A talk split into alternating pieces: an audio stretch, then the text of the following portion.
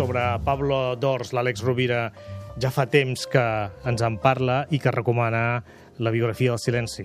Com dèiem, publicada en català per Angle Editorial i en castellà per Ciruela. Ciruela. Sí, què tal, Àlex? Ben Molt bé, retrobat. molt bé. Molt bé, Gaspar, i molt content d'estar aquí. Va ser un dels llibres um, que vaig llegir sobre el procés de la meditació més interessants i més honestos que he llegit. Um, hi ha una cosa que explica molt bé en Pablo, que és l'observació del pensament. No? I com a base de l'observació anem, anem desactivant progressivament, no podem deixar de desactivar mai, aquest, aquest procés que es genera com el batec del cor. Uh, I ell és molt honest quan diu mai podrem deixar de pensar. Sempre tindrem alguna cosa que anirà sorgint en el batec aquest del pensament. El que és interessant és observar com en Pablo ens ve a dir, a la seva manera, que eh, el fet de guardar una distància i de ser i de tenir la disciplina... Recordem que la paraula disciplina ve de deixeble.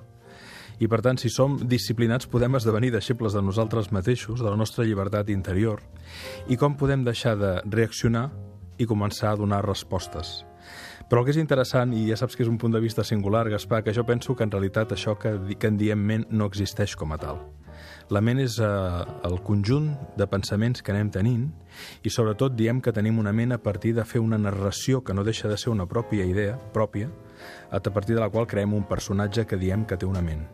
La meditació, almenys per la meva experiència, el que et permet veure és que els pensaments van i venen com els batecs del cor, com la respiració dels pulmons, és un procés que emana de la pròpia vida i el procés d'observar allò que pensem ens torna a casa, ens dona pau i ens permet veure que allò, que aquelles...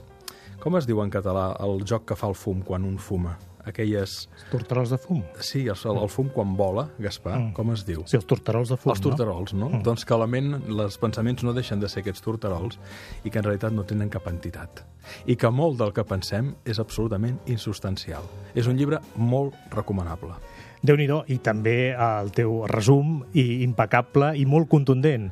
En podríem continuar parlant una miqueta més la setmana que ve, Àlex? Quan tu Moltes vulguis, gràcies. com tu vulguis. Una abraçada. Una abraçada als oients. Moltes gràcies.